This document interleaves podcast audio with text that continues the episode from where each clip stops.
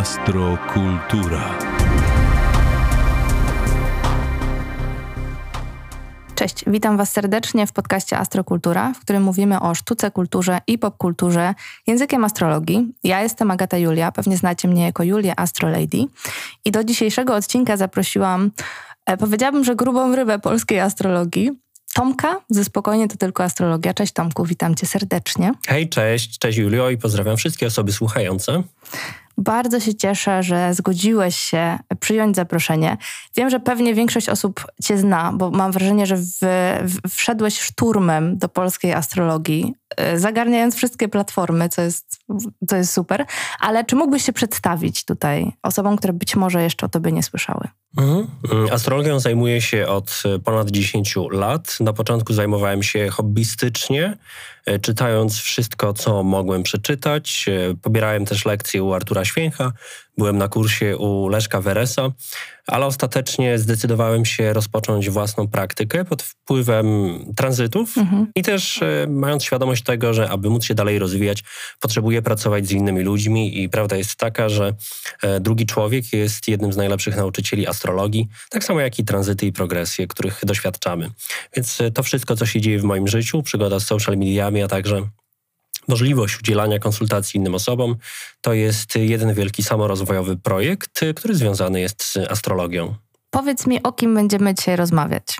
Wkraczamy na znowu e, szerokie wody popkulturowe. Kogo wybrałeś, bo to, bo to był jednak twój wybór do dzisiejszego odcinka i o kim sobie porozmawiamy astrologicznie? Aha, tak.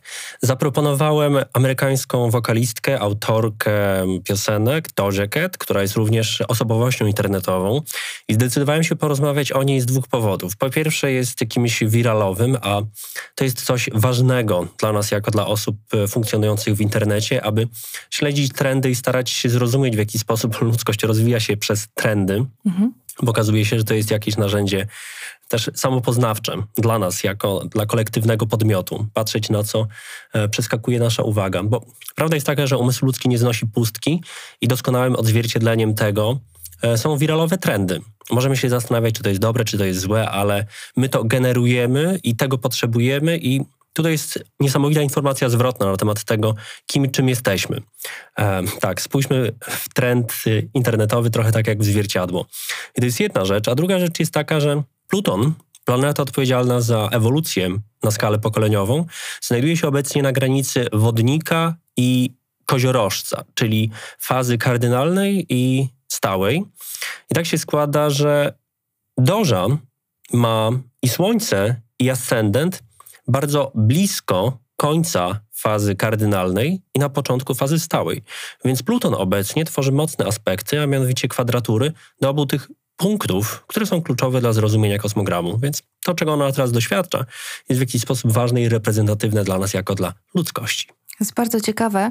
Ja bym jeszcze dodała, że tu jest e, też jej węzeł północny e, w tym 26 stopniu wagi, więc tutaj też, nie wiem czy ty pracujesz z węzłami, ale dla mnie to, co, czego doświadcza, ma też um, jakiś tam wymiar powiedzmy, że karmiczny, ewolucyjny dla niej ważny. E, każdy, kto przeżył kwadraturę Plutona do Słońca, na przykład ja, wie, że to nie są, to, że to nie są przelewki, a mógłbyś coś trochę więcej powiedzieć dla osób, które powiedzmy, że nigdy nie słyszały o Plutonie, kwadraturze i co, co to może znaczyć, z czym to się łączy i od razu możemy nawiązać do tego, co tam się faktycznie u niej, e, u niej dzieje? Mhm. E, Pluton reprezentuje to, co nie jest dostępne naszej świadomości, ale jest determinujące pracę naszej świadomości, nie wprost.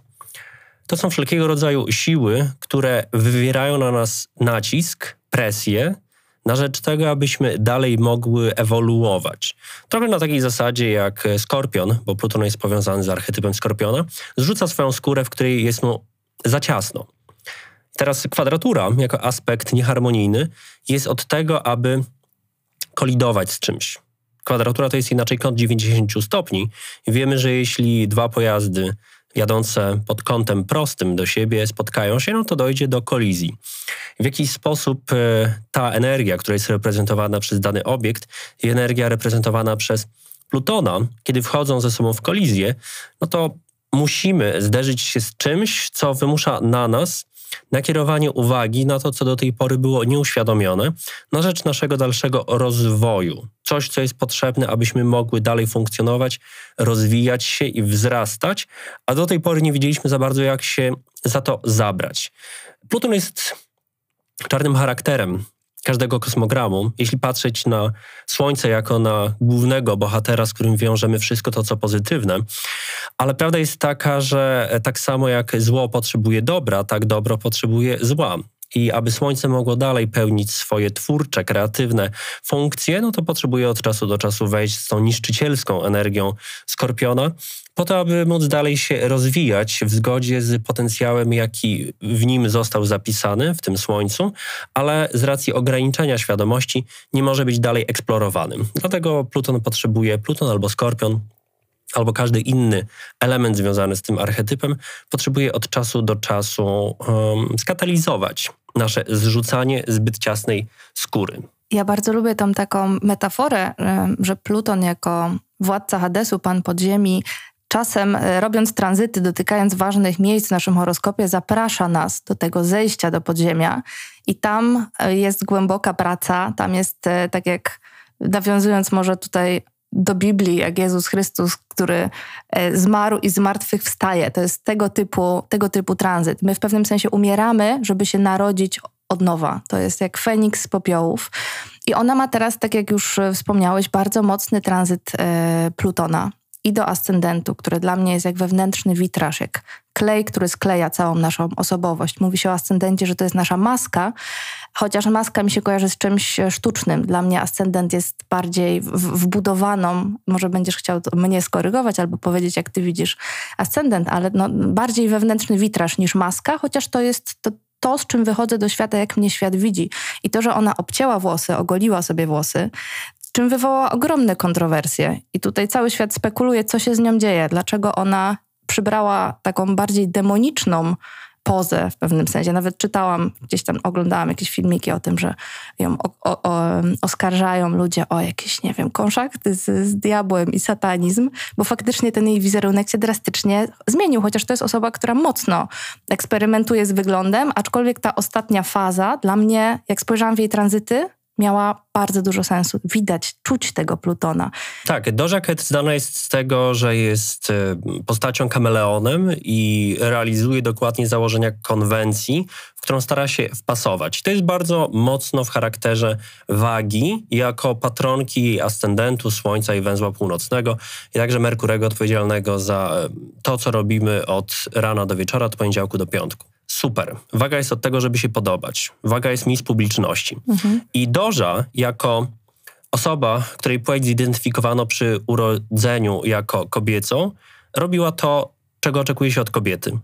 Czyli była ładna. Po mhm. prostu. I to znalazło swój wyraz w wielu konwencjach, którymi żonglowała. Jak y, wirtuoska cyrkowego performance'u.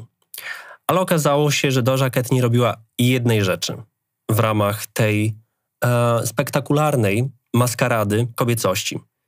Znaczy, nie była niekobieca. Mhm. W naszej kulturze, w momencie, kiedy kobieta pozbywa się włosów, przekracza jakąś normę. To oznacza, że jest albo chora, albo jest szalona.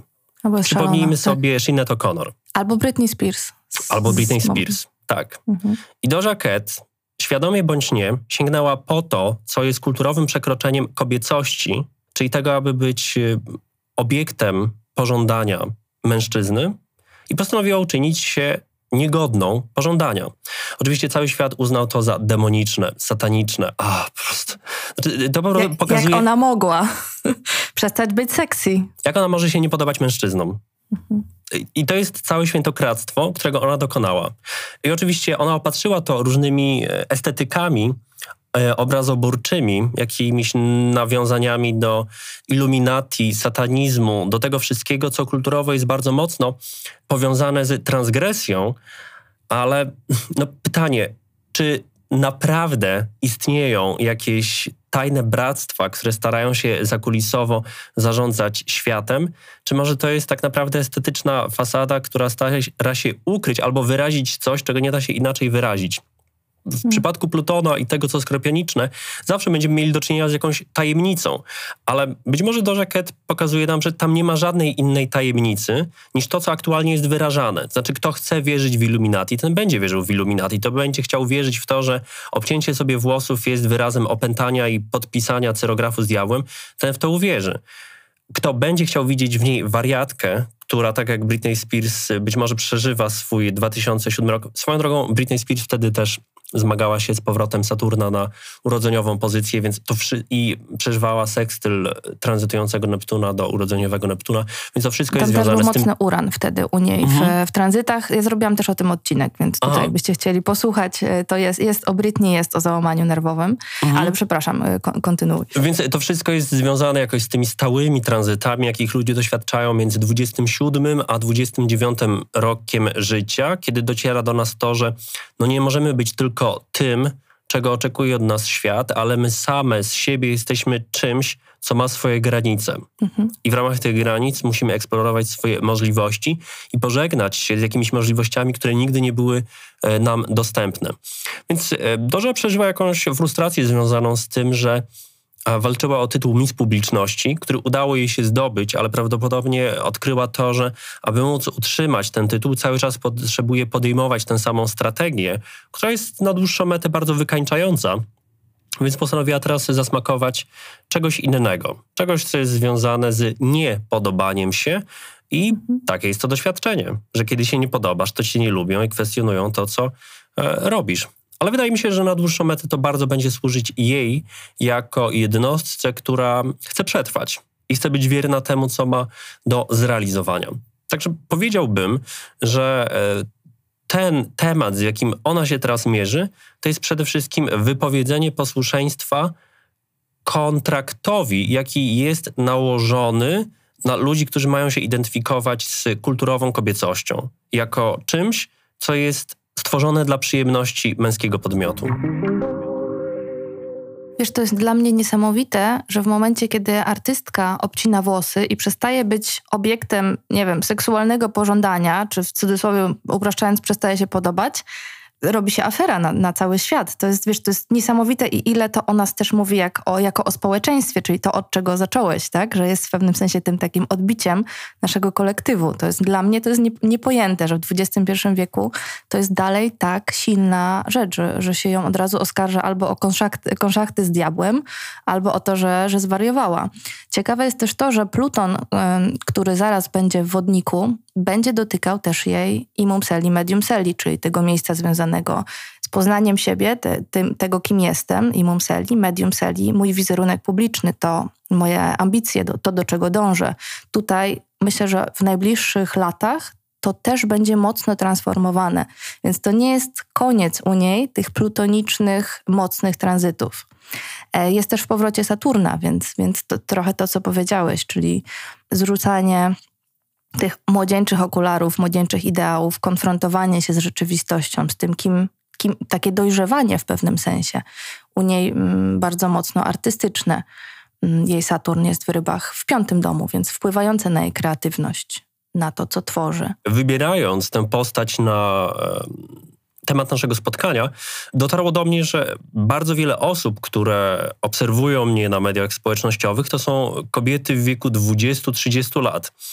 I myślę, że popkulturowe e, persony są po to, aby pokazać nam coś, z czym my się zmagamy w wymiarze indywidualnym. Działają trochę tak jak e, bohaterki, bohaterzy mitów. Mhm. Mają reprezentować coś, co jest bardzo osobiste, ale jednocześnie i uniwersalne. I moim zdaniem to może być ważne dla wielu kobiet na całym świecie przyjrzeć się temu, e, być może raz na zawsze, że ten okres w naszym życiu, 20 7-29 jest czasem naszej transformacji i poszukiwania tego, kim po prostu sobie jesteśmy, bez wydawania się, czego inni chcą i czego mogą oczekiwać od nas. Myślę, że stoi za tym jakieś przesłanie, tak ja to interpretuję, zwłaszcza dla kobiet, aby poczuły to, że one są przede wszystkim same dla siebie nie dla tego, kto na nie patrzy, nie dla tego, kto chce dostrzec w nich jakąś wartość, ale one same nadają sobie znaczenie i same ustalają, co wnoszą do tego świata, odkrywając to po prostu, kim są. I od tego są te duże tranzyty, w tym przede wszystkim powrót Saturna na pozycję urodzeniową. Bardzo mi się podoba to podsumowanie. Możemy pójść o krok dalej, bo patrzę sobie na jej Wenus w Skorpionie w 14 stopniu. E, robiłam też odcinek o Lanie Del Rey, która ma ascendent e, w 15 stopniu Skorpiona. Panie miały pewną mm, jakąś powiedzmy, że kosę, miały pewne, nie zgodziły się, ponieważ Lana Del Rey wystosowała taki post, gdzie e, jakby zarzucała artystkom takim jak Doja Cat, Beyoncé, Ariana Grande, że one jakby promują seksualizację kobiet i przemoc, a jej w domyśle jako białej i bogatej, w cudzysłowie, nie wolno. I jakby to też wywołało pewną burzę dotyczącą kobiecości, tego jak artystki przedstawiają tematy związane właśnie z seksualnością, takie bardzo dla mnie mm, związane z tą Wenus w Skorpionie, czyli właśnie moja kreatywność, moja twórczość i jak się odnoszę do tych tematów uznawanych za tabu. Więc, więc to jest bardzo ciekawe, że, że, że ona faktycznie. Nie, nie myślałam o tym w ten sposób. Jest takim odbiciem tego, tego miejsca, w którym jesteśmy. Te, tak jak patrzę na ten jej horoskop, to coraz bardziej mi to, e, mi to tutaj, że tak powiem, mm, się składa. Mhm. Tak, poza tym e, Wenus jako władczyni kosmogramu, bo Wenus odpowiada za e, wagę, a w wadze znajduje się ascendent, mhm. znajduje się w pierwszym sektorze, który jest sektorem wizerunku, tego co inni widzą w nas. Bo e, nawiązując do tego, co powiedziałaś wcześniej, dla mnie ascendent jest nad naszą naturą, z której nie musimy sobie zdawać sprawy, ale która funkcjonuje, która działa. I to jest coś, co my instynktownie wnosimy. My się nawet nie musimy nad tym zastanawiać, to po prostu jest. Inni bardziej to widzą, bo inni są w stanie zdystansować się do tej substancji, jaką my jesteśmy. My nią po prostu jesteśmy. I oczywiście możemy docierać do tego na różne sposoby, korzystając przede wszystkim z tego, co jest najbardziej oddalone od ascendentu, czyli szósty, siódmy i ósmy sektor. Ale prawda jest taka, że materia, z której wykonany jest nasz ascendent, działa i się reprodukuje mimowolnie tak jak DNA. W sensie możemy się zastanawiać, jak wychowamy swoje dzieci, ale ostatecznie to po prostu jakoś się stanie. I tak samo my sami, same stajemy się przez nasz ascendent. I wydaje mi się, że ona jest y, bardzo mocno zanurzona w tym, co wagowo-skorpioniczne. Czyli z jednej strony to, co nam się podoba, przyciąga nas i uwodzi, ale ostatecznie też i nas zmienia i zaburza to, co jest bardzo nasze. E, tak samo Doża prawdopodobnie ścigając się na trendy z całym światem, dotarła do takiego miejsca, gdzie stwierdziła, że być może nie jest już niczym innym jak generatorem kolejnych trendów. I zadała sobie pytanie: hej, a gdzie w tym wszystkim jestem ja? Czy ja jestem tylko od tego, żeby się podobać, czyli to, co jest bardzo mocno związane z Wenus i wagą, a może jestem czymś więcej, czymś, co pracuje u podstawy tego pragnienia podobania się. No i tutaj schodzimy do tego, co reprezentuje Skorpion, ósmy sektor i Pluton. Więc powiedziałbym, że władczyni ascendentu Wenus, znajdując się w Skorpionie, daje bardzo mocny wektor ku transformacji i transgresji. Ale już nie tylko w obrębie tego, co się podoba, ale też na poziomie meta, zadając sobie pytanie, co tak naprawdę pracuje u podstaw podobania się jakiego mhm. rodzaju siła każe nam podążać za tym, co nam się podoba. Prawda? I w jaki sposób te preferencje estetyczne są warunkowane. Więc e, tego rodzaju prowokacja jest wpisana w jej naturę i możemy się spodziewać też wielu innych transgresji. Prawdę powiedziawszy, jak teraz jej tranzytujący Pluton znajduje się w trzecim sektorze odpowiedzialnym za komunikację, no to tam jest najwięcej tej kompulsywnej, obsesyjnej aktywności. Więc ona potrzebuje mówić, potrzebuje wyrażać, się w mediach społecznościowych, potrzebuje generować content. To wszystko jest bardzo trzeciosektorowe. Ale tak jak zwróciłaś uwagę, za chwilę czekają przejście Plutona przez Imum Celi i wtedy prawdopodobnie bardziej będzie skupiona na tym, co dzieje się w niej i może już nie będzie aż tak bardzo zainteresowana tym, aby generować swoją obecność na tak wielką skalę, no, może bardziej będzie potrzebowała zanurkować w swojej przeszłości. No i tutaj e, wyrażone to może zostać nie wiem, może przez jakieś duchowe eksploracje, e, bądź też twórczość nieco bardziej wyciszoną wśród czterech ścian. E, może zacznie pisać powieści, kto wie. Ja tak sobie myślę, że to może być twórczość, która będzie w końcu, znaczy nie wiem czy w końcu, ale będzie oddawała to, kim jest naprawdę. To imum celi. Najpierw sobie zanurkuje w swoje wewnętrzne głębiny, a potem, ponieważ imum celi i medium celi są połączone, wyjdzie z, do świata z tą prawdziwą ja, już przetransformowaną przez Plutona, który już wtedy powiedzmy, że przejedzie przez jej ascendent węzeł północny i, i, i, Słońce w wadze.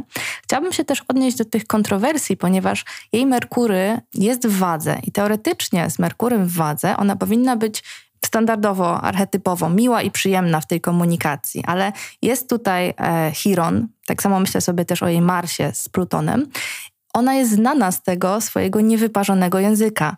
Było sporo kontrowersji związanych z tym, e, że homoseksualistów określała brzydkim słowem na F, czy mm, osoby czarnoskóre e, brzydkim słowem na N. E, jakby ona ma bardzo cięty język. Jak ty to widzisz astrologicznie? Wiesz co, y, to jak wygląda jej komunikacja, trzeba byłoby spojrzeć na progresję, bo progresje są tym, co tak naprawdę pomaga nam zrozumieć charakter od strony dynamicznej.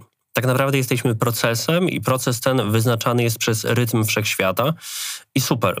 Kosmogram jest punktem wyjścia, to jest mapa mhm. umożliwiająca nam start i określająca też miejsce docelowe. Ale w jaki sposób my dotrzemy do tego, to jest też bardzo zależne od tranzytów i progresji. Więc mhm. E, to bym szukał odpowiedzi na te pytania. Biorąc pod uwagę to, że znowu i e, dwaj władcy kosmogramu są bardzo mocno powiązani z Plutonem, bo Wenus jako władczyni symboliczna znajduje się w Skorpionie, a Mars, który zawsze jest odpowiedzialny za ascendent, bo ascendent z natury jest barani, jest w koniunkcji z Plutonem. Więc automatycznie ona będzie szła w stronę tego, co daje potęgę, co wymusza transgresję i tego, co daje poczucie, że życie dzieje się gdzieś pod powierzchnią. Że to wcale nie jest takie oczywiste. A jeśli chodzi o progresję, to powiedz mi, patrzyłaś na to, gdzie znajduje się obecnie Merkury? Właśnie to zrobiłam i ma, oczywiście masz rację. Mamy progresywnego Merkurego w koniunkcji z progresywnym Słońcem e, i ascendentem. Mamy tutaj i w pierwszym domu, w Skorpionie, więc to dokładnie to, co powiedziałeś. E, może dla osób takich, które mm, są zielone z astrologii, dla mnie progresje mówią o tym, jak ewoluujemy razem z naszym kosmogramem, ponieważ inaczej się będziemy komunikować, mając lat y, 3, 5, 15 i 50. I trochę o tym są progresje. Pokazują, jak ten horoskop razem z nami dojrzewa. Czy ty myślisz podobnie? Podobnie widzisz progresję? Czy, czy coś byś, nie wiem, zmodyfikował, dodał? Mm, tak, tak. Dla, dla mnie mm, progresje są podstawową techniką prognostyczną. One nakreślają nam pejzaż, w ramach którego będziemy rozpatrywać poszczególne tranzyty. Jakby dla mnie tranzyty to jest jakieś 30% interpretacji e, prognozy. To, czego ludzie tak naprawdę potrzebują i chcą, moim zdaniem jest zapisane przede wszystkim w progresjach. I teraz jeśli spojrzymy na kosmogram progresywny Doji, Ket, to obaj władcy ascendentu, czyli Wenus i Mars, są w strzelcu w koniunkcji z Jowiszem. Mhm. Wow. W sensie mhm. ona potrzebuje teraz coś bardzo pokazać całemu światu i nie będzie przebierać w środkach. I będzie bujać się od kulisy do kulisy, tak aby zakreślić jak największy obszar na scenie uwagi całego świata. Więc e, spodziewajmy się jeszcze jakichś przygód, które nam zaserwuje. Bo o to jej chodzi. Chodzi o to, żeby mhm. pokazać jakąś drogę na przyszłość, która ma być inspiracją dla całego społeczeństwa. To jest też dla mnie ciekawe astrologicznie, co powiedziałeś o progresjach, że to jest taki twój główny go-to narzędzie, jeżeli chodzi o, e, o prognostykę, ponieważ większość, mam wrażenie, jednak się zawiesza na tranzytach. Może nie wszyscy, ale, ale często się z tym spotykam, że jednak tranzyty są takim, wiesz, pierwszym, pierwszą rzeczą, po którą się sięga. No, ciekawe to jest, tak, to jest, to jest dla mnie ciekawe. A z jakimiś jeszcze technikami pracujesz? Wiesz co, przede wszystkim progresje, później tranzyty hmm. I od czasu do czasu, jeśli jest taka potrzeba, znaczy, oczywiście też łączę mm, tranzyty z progresjami, patrzę w jaki sposób planety tranzytujące, zwłaszcza pokoleniowe i społeczne, aspektują progresywne planety osobiste.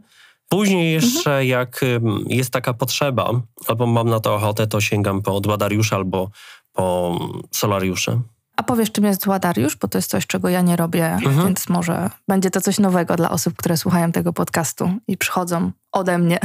Dładariusz to jest y, kosmogram, który rozrysowujemy na moment, w którym progresywne Słońce przekracza granicę jednej dłady i drugiej dłady. Dokładnie tak jak robimy solariusz, na moment powrotu Słońca na urodzeniową pozycję. To jest kosmogram, który stanowi jakiś punkt wyjścia dla następnego roku. Tak Dładariusz jest taką mapą, która mówi nam o tym, co będzie nas czekało w następnych dwóch i pół roku. Od momentu przejścia Słońca z jednej dłady do drugiej w progresjach. Wróćmy może jeszcze do Doży Cat. Nie powiedzieliśmy nic o jej księżycu w Pannie który może się wydawać zaskakujący, ale z drugiej strony, jeżeli wiemy, że ona sama pisze i produkuje swoje piosenki, to wcale taki zaskakujący dla mnie nie jest. E, jak, ty widzisz ten jej, ten jej księżyc, panniasty księżyc w jedenastym domu? Wiesz co, widzę go tak jak e, u każdej profesjonalistki, która najbezpieczniej czuje się w momencie, kiedy pracuje nad sobą albo nad tym, co jest materią jej zawodu.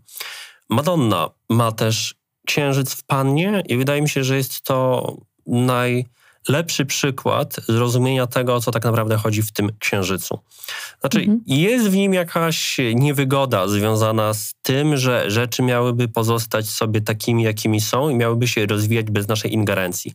Księżyc w pannie chce mieć poczucie sprawczości, udoskonalając coś z dnia na dzień. I przede wszystkim tutaj chyba chodzi o swoją osobę, Oczywiście w zależności też od tego, jak to jest zaakcentowane w kosmogramie, ale chodzi o to, że każdego dnia mogę coś zrobić dla siebie, aby poczuć się zdrowszą, aby poczuć się lepszą, aby poczuć się lepiej dopasowaną do tego, co jest moim standardem.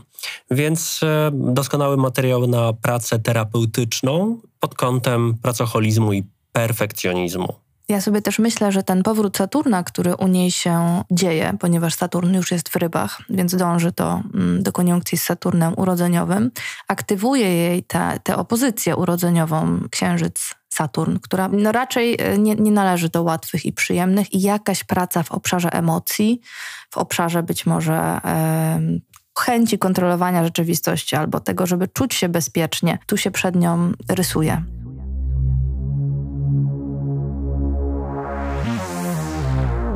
A powiedz mi, a dlaczego uważasz nie, tę opozycję za nie najłatwiejszą? Bo powiem ci, jest to dla mnie o tyle zaskakujące, bo opozycja Saturn i Księżyc jest opozycją naturalną. Jest ona wpisana w zodiak, takim jakim on jest, no bo naprzeciwko koziorożca mamy raka. I mhm, Księżyc jest powiązany mm -hmm. z rakiem, Saturn jest powiązany z koziorożcem. W jakiś sposób te planety spotykając się naprzeciwko siebie, realizują swój naturalny potencjał. Po pierwsze, to jest skrótowe. Jak mówię, że nie ma łatwych, trudnych, dobrych, złych aspektów w horoskopie dla mnie. Klasycznie, jeżeli pomyślisz sobie o pozycji Saturn-Księżyc, to nie jest to aspekt harmonijny, tak? ponieważ ani opozycja, ani kwadratura Saturn, planeta maleficzna, więc pokazuje mi to, jak widzę, że ktoś ma opozycję Saturn-Księżyc, że jest tutaj jakaś praca do zrobienia w obszarze emocji. Tak, tak to widzę. To, to mam na myśli mówiąc, że to nie jest najłatwiejszy aspekt. Dobra, dobra, rozumiem. Po prostu jestem ciekaw twojego punktu widzenia. Ja tak wiesz, mówię skrótowo, zakładając, że osoby, które mnie słuchają, wiedzą, e, jakie ja mam podejście, bo dla mnie nie ma złych horoskopów, nie ma... No są, są łatwiejsze i trudniejsze, chociaż każdy ma swoje wyzwania, ale wychodząc też z tej perspektywy ewolucyjnej, uważam, że mamy dokładnie takie horoskopy, jakie mamy mieć, żeby przepracować swoje, e, swoje lekcje. Czy ty w ogóle pracujesz z węzłami, czy, czy, tak, czy raczej tak, nie? Tak, tak, tak. Mhm. Biorę mhm. pod uwagę węzły, czasami Chirona, ale prawda jest mhm. taka, że te 10 obiektów, które są podstawowymi obiektami, dają tyle informacji, danych, że w zupełności mi to wystarcza, aby móc skonstruować portret astrologiczny i prognozę, która e, jest wystarczająca na to, aby zyskać jakąś samoświadomość i mieć kierunek pracy nad sobą. Zgadzam się z tobą i bardzo często to, to, też widzę u moich kursantek, które przychodzą i tu chcą Lilith, tu chcą Hirona. Ja zawsze mówię spokojnie, najpierw zacznijmy, nawet można by było te mm, planety generacyjne, outer planet wywalić i jeżeli umiesz przeanalizować horoskop używając tylko tych planet na przykład osobistych plus Jowisz Saturn, to dopiero potem dodaję te, te planety generacyjne, a dopiero później całą resztę, Chirony, inne asteroidy, gwiazdy stałe. Ja też z gwiazdami stałymi nie pracuję, ponieważ za dużo jest tych informacji w kosmogramie i można się pogubić. Także uważam, że to też jest pewna sztuka, żeby potrafić wybrać. To prawda. Dokładnie tak jak w życiu. Dokładnie tak jak w życiu, tak, tak. Żeby się nie rozpraszać. Chciałabym porozmawiać jeszcze o relacjach, ponieważ znając albo poznając, bo ja nie, ja nie, ja nie do końca znałam Doja Cat, poznając jej historię, jej osobę, yy, natknęłam się na informację, że ona głównie dzięki TikTokowi, tej znajomości trendów i memów i tak dalej, yy, zyskała swoją popularność. Więc pokusiłam się o to, żeby sprawdzić jej horoskop i popatrzeć, jak to się ma do horoskopu TikToka. I chciałabym też Ciebie zapytać, bo wiem, że jakby wypuściłeś aplikację, czy jesteś współtwórcą aplikacji, która też gdzieś o tych synastriach, bazuje na synastriach. Czy mógłbyś trochę więcej powiedzieć o, o, o jednym i o drugim? Tak, wiesz co, e, sprawa jest taka, że razem z pewnym teamem mhm. E, badawczo-autorskim postanowiliśmy wypuścić aplikację, która jest astrologiczną aplikacją, która poprzez tworzenie relacji pomaga nam poznać siebie. I mhm. zasada jest taka, że wprowadzamy swoje dane urodzeniowe. To daje nam możliwość rozrysowania kosmogramu. Na bazie tego kosmogramu mówimy osobie, która się rejestruje, jakie ma tendencje w relacjach, czego szuka w relacjach, jakie osoby przyciąga w relacjach, a później oferujemy jej poznanie innych osób korzystających z tej aplikacji według jakiegoś algorytmu, który obliczamy na bazie ich kosmogramów. W efekcie aplikacja stara nam się podsunąć, zaoferować kogoś, kto może być ciekawym, interesującym towarzyszem na naszej drodze samorozwojowej. I oczywiście też dajemy pewne zadania, które możemy realizować w zgodzie przede wszystkim z cyklami lunarnymi, które pomagają nam wejść w interakcję z innymi użytkowniczkami tej aplikacji e, i w ten sposób zdobyć jakąś wiedzę na temat nas samych i relacji, jakie tworzymy. Więc tutaj łączymy astrologię plus społecznościowo-relacyjno-twórczy potencjał internetu i cyberprzestrzeni, dając nam jednocześnie jakiś wektor ku sobie, ku naszemu rozwojowi i ku temu, co możemy odkryć w sobie dzięki astrologii innym ludziom. No, a przy okazji to jest szansa też na to, aby poznać inne osoby, które są też zakręcone na punkcie astrologii. I oczywiście bardzo ważnym narzędziem, elementem tej aplikacji jest rozrysowywanie kosmogramu relacyjnego, czy też inaczej kontaktowego, mhm. który oblicza nam potencjał relacyjny, jaki jest między jedną a drugą osobą na podstawie Słońca, które jest umiejscowione w jednym z 12 sektorów w kosmogramie synastrycznym czy też kosmogramie kontaktowym. Aplikacja nazywa się Starsea i obecnie przeprowadzamy jej testy. Testy potrwają jeszcze chwilę, później zdobywamy dane, informacje zwrotne i pracujemy dalej nad aplikacją. To jest mega ciekawe i wydaje mi się, że nie ma czegoś takiego na rynku polskim, prawda? Nie ma. To prawda. Mm. Prawda jest taka, że w ogóle nie ma tego na rynku mm. i to mhm. jest coś, e, no, niezwykle innowacyjnego, tak bym powiedział. Mówiłam na początku, że rewolucjonizujesz i wszedłeś szturmem w polską astrologię i to jest jakby jak najbardziej potwierdzenie tego, e, tego faktu. A powiedz mi, czy to jest aplikacja tylko i wyłącznie randkowa, towarzyska? Mm, jakby, jak byś to określił? Nie, wiesz co, to w ogóle nie jest aplikacja randkowa i my zdajemy sobie sprawę z tego, że ludzie automatycznie będą starali się widzieć w tym coś, co ma pomóc im znaleźć partnera partnerkę romantyczną, mhm. ale dla nas akcent jest przede wszystkim położony na relacje w ogóle. Kontakt z drugim człowiekiem jako pewną przygodę poznawczą, w której przede wszystkim poznajemy siebie. Oczywiście w jaki sposób to zostanie przeprowadzone, to zależy też od tego, jak ustawimy komunikację, w jaki sposób będziemy pracować nad mechanizmami aplikacji, ale wszystkie osoby, które tworzą tę aplikację, odczuwają jakieś zmęczenie po pierwsze a przebodźcowaniem, w jakie jesteśmy wtłaczane i w jaki sposób wtłaczamy się sami, wchodząc w cyberprzestrzeń, cały czas jesteśmy na jakimś dopaminowym haju, który doprowadza nas do wyczerpania i wycieńczenia. Mhm. I to jest jedna rzecz. A druga rzecz jest taka, że jakoś jesteśmy zmęczeni byciem traktowanymi jako potencjalny obiekt romantycznego zauroczenia. I że mhm. my mamy wygenerować to zauroczenie i że ktoś ma zauroczyć nas. I zadajemy sobie pytanie, w jaki sposób możemy nieco e, z dystansu i w nieco bardziej otwarty sposób popatrzeć sobie na drugiego człowieka, zadając pytanie, a co z nim przychodzi do naszego życia? Czyli zamiast e, upierania się przy tym, że drugi człowiek ma być moją drugą połówką, która mnie dopełni, uzupełni i w ten sposób stworzymy jakąś całość, to może zadać sobie pytanie, ok, a co ty jako zwierciadło pozwalasz mi dostrzec w sobie i w jaki sposób ja mogę pomóc tobie coś dostrzec. Taka jest nasza intencja twórców i twórczyń Starsi, aby dać ludziom szansę poznawać siebie przede wszystkim. I w jakiś sposób też odpocząć od tego, czym jesteśmy bombardowani od rana do wieczora w naszych komórkach. Trochę może wracając albo nawiązując do tego, od czego wyszliśmy z Dojo która się na początku wpisywała w trendy i miała się podobać, potem w pewnym sensie przestała.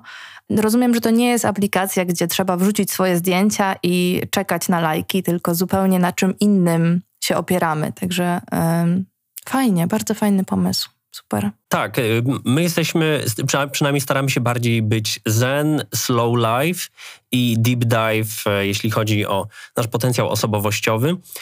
Nie ma tam mechanizmów, które miałyby nas e, zmuszać do tego, aby walczyć o tytuł Miss Publiczności. Mhm. Raczej chodzi o to, aby e, przeżyć jakąś przygodę na miarę naszych możliwości. Przygodę egzystencjalno-intelektualno-duchową. Dobra, zobaczmy w takim razie, jak już mówimy o synastriach, czyli horoskopach porównawczych, e, na horoskop Doji Cat i TikToka. Co ty na to? Dobra, okej, okay. ja nie znam tego kosmogramu, ale z chęcią dowiem się od ciebie, na co warto tam zwrócić uwagę. My ostatnio robiłyśmy z, z astroklubowiczkami porównanie Ilona Maska i Tesli oraz Twittera, czy tam X i bardzo dobrze to widać, jak e, jego horoskop i, i na przykład Tesli, jak to fajnie gra, a z kolei jak w X aktywuje się jego Chiron, jakby potencjalnie trudne, trudne tematy, więc e, myślę, że to, że to jest fajne. Ja ostatnio mam totalną zajawkę, jeżeli chodzi o sprawdzanie horoskopów firm, osób, państw. E, także trochę w tych synastriach siedzę.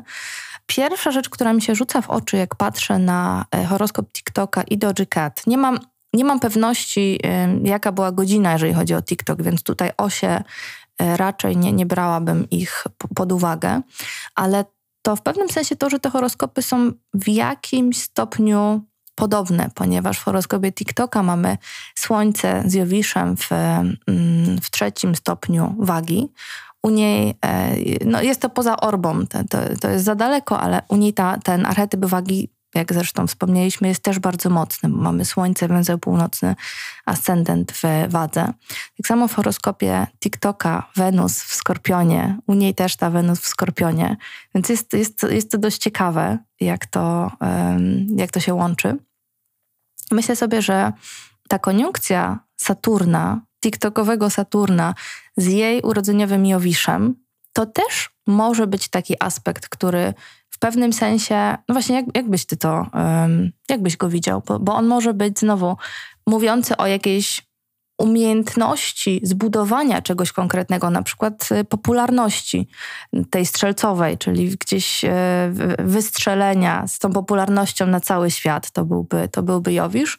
Pewnie jakby się poszło do astrologa bardziej klasycznego, to by powiedział, że w drugą stronę, że ten Saturn ogranicza i że o mój Boże, o mój Boże, tragedia. Teraz to, co przyszło mi do głowy, to to, że Saturn zawsze daje nam strukturę, która może sobie istnieć bez nas, ale my możemy z niej w jakiś sposób skorzystać, jeśli zaakceptujemy jej sposób funkcjonowania. Jowisz to jest to, co nas inspiruje, daje nam wiarę w przyszłość i każe nam czynić siebie i świat lepszymi, według tego, co wierzymy. Więc powiedziałbym, że Jowisz, będący u niej w Strzelcu, w koniunkcji z Saturnem TikToka daje nam takie połączenie, oczywiście w obszarze spraw społecznych, bo Jowisz mhm. i Saturn są planetami społecznymi, dobrego skorzystania z jakiejś struktury. Czyli Doża daje ducha, który animuje ciało TikToka można powiedzieć, że inspiruje to, co już tam jest, sobie samo z natury TikTokowej, jest jako pewien kościec. Prawda? Możemy wyobrazić sobie, że TikTok to jest jakaś pacynka, a Doja Cat jest tym, kto animuje tę pacynkę. W ten sposób y, patrzyłbym na tę koniunkcję Saturna TikTokowego i Jowisza Doży. Że to jest jakby dobre zsynchronizowanie tego, co jest jej społecznym zainteresowaniem w inspirowaniu i poruszaniu innych na dużą skalę, a Saturn no to jest y, kościec TikToka, hmm. kościec, który w jakiś sposób trzeba ożywić. Ładne, bardzo mi się to podoba. Bardzo to do mnie trafia. No. E, widzisz tutaj jeszcze coś ciekawego, co mogłaby mówić o tym, że faktycznie ta synastria jest, że ona co, coś jej robi? Ja myślę sobie o koniunkcji no, takiej luźnej, ale jednak TikTokowego Merkurego z jej księżycem w pannie. Aha, aha. To jest 8 stopni, ale no. Wiesz co, powiem ci od razu tak, że e, nie znam za dobrze kosmogramu TikToka. Mam go mhm. teraz przed oczami i trudno byłoby mi e, wskazać na coś jeszcze, więc um, niestety, ale nie pokuszę się o Dobra. żadne inne zestawienie. Dobra, ja też, ja też, e, tak jak mówię, nie mam pewności, na ile ten horoskop jest tym właściwym, bo ten TikTok się zmieniał, zmieniał nazwę, ale powiedzmy, że to może taka ciekawostka. Ja w ogóle z TikToka nie korzystam. Z tego co wiem, ty jesteś na TikToku, prawda? Mhm, tak, jestem na TikToku. Mhm ale raczej jako ktoś, do, e, kto dostarcza content, bardziej niż jako użytkownik, bo tak jak powiedziałem, e, to szaleństwo, jakie zapewniają nam social media, jest e, momentami nie do wytrzymania. W sensie, my naprawdę nie zdajemy sobie sprawy z tego, jak jesteśmy przebodźcowane. Przebodźcowani. I um, ja to dopiero wiem po tym, jak zrobię sobie detoks, raz na jakiś czas jeżdżę na kursy Vipassany, które polegają na tym, że przez mm. 10 dni nie robimy nic innego, jak tylko medytujemy. E, oddajemy komórki, komputery, wszystko to, co miałoby być dostarczycielem informacji. I po tych 10 dniach, kiedy wracam z powrotem do użytkowania e, mediów społecznościowych, widzę to, co się dzieje z moim umysłem. I to jest naprawdę mhm. szaleństwo. I my tkwimy w tym szaleństwie od e, rana do wieczora przez 7 dni w tygodniu. Absolutnie się z Tobą zgadzam. To jest ciekawe, bo jesteś, mm, jakby wiesz, tworzysz swój content i to na wszystkich platformach. Ciekawa jestem, jak to godzisz, ale jakby mm, po takich detoksach internetowych ja mam wrażenie, że wręcz mam fizyczny odrzut od tego. Ja nie mogę fizycznie wejść na Instagram. E, tak mi jest dobrze w tej ciszy i w tym takim, w tym spokoju, który się dzieje, jak tego telefonu nie ma, więc czy coś jeszcze y, chcemy powiedzieć o Doji Cat? Albo jakieś, jakąś, jakąś klamrę chciałbyś to jakoś spiąć? Wiesz co, wydaje mi się, że powiedzieliśmy wystarczająco dużo. Y, ten materiał, który udało nam się wspólnie stworzyć, jest bardzo gęsty w dane i w informacje. I prawdę powiedziawszy, nie wiem, czy jest jedna rzecz, którą moglibyśmy wyszczególnić. No poza tym, że Pluton ma w sobie coś, co zawsze skłania nas do transformacji i wydaje mi się, że nie ma sensu opierać się mu i stawiać jakieś barykady i blokady, bo on jest od tego, żeby je kruszyć i pozwalać temu, co płynie, przepłynąć z pełną swobodą. I to jest trochę tak, że my się potrzebujemy połączyć z czymś, co jest inne i obce, po to, żeby móc wyewoluować czy zmutować w jakimś nowym kierunku, który będzie bardziej nasz. Przedziwne, prawda? Że potrzebujemy czegoś innego, żeby bardziej stać się sobą. I tutaj wracając do tych mediów społecznościowych, które z jednej strony są wodzicielskie, ale też i trudne w użytkowaniu dla nas, to potrzebujemy to zrobić jako jednostki, jako kolektyw, aby pójść w jakąś stronę, która będzie bardziej nasza. Więc y, tak, to, co nas wzmacnia, też w jakiś sposób nas zabija, ale w konsekwencji ewoluujemy w stronę, która jest jakąś naszą koniecznością, na którą chyba warto przystać. Warto przystać w zgodzie z rytmem kosmicznych cyklów. Dobrze, dziękuję Ci bardzo za dzisiejszą rozmowę. Ja również dziękuję bardzo. Miło mi było powiedzieć kilka słów od siebie i chylę czoła Twojej twórczości internetowej, tego, co robisz dla ludzi, dla astrologii. Dziękuję bardzo.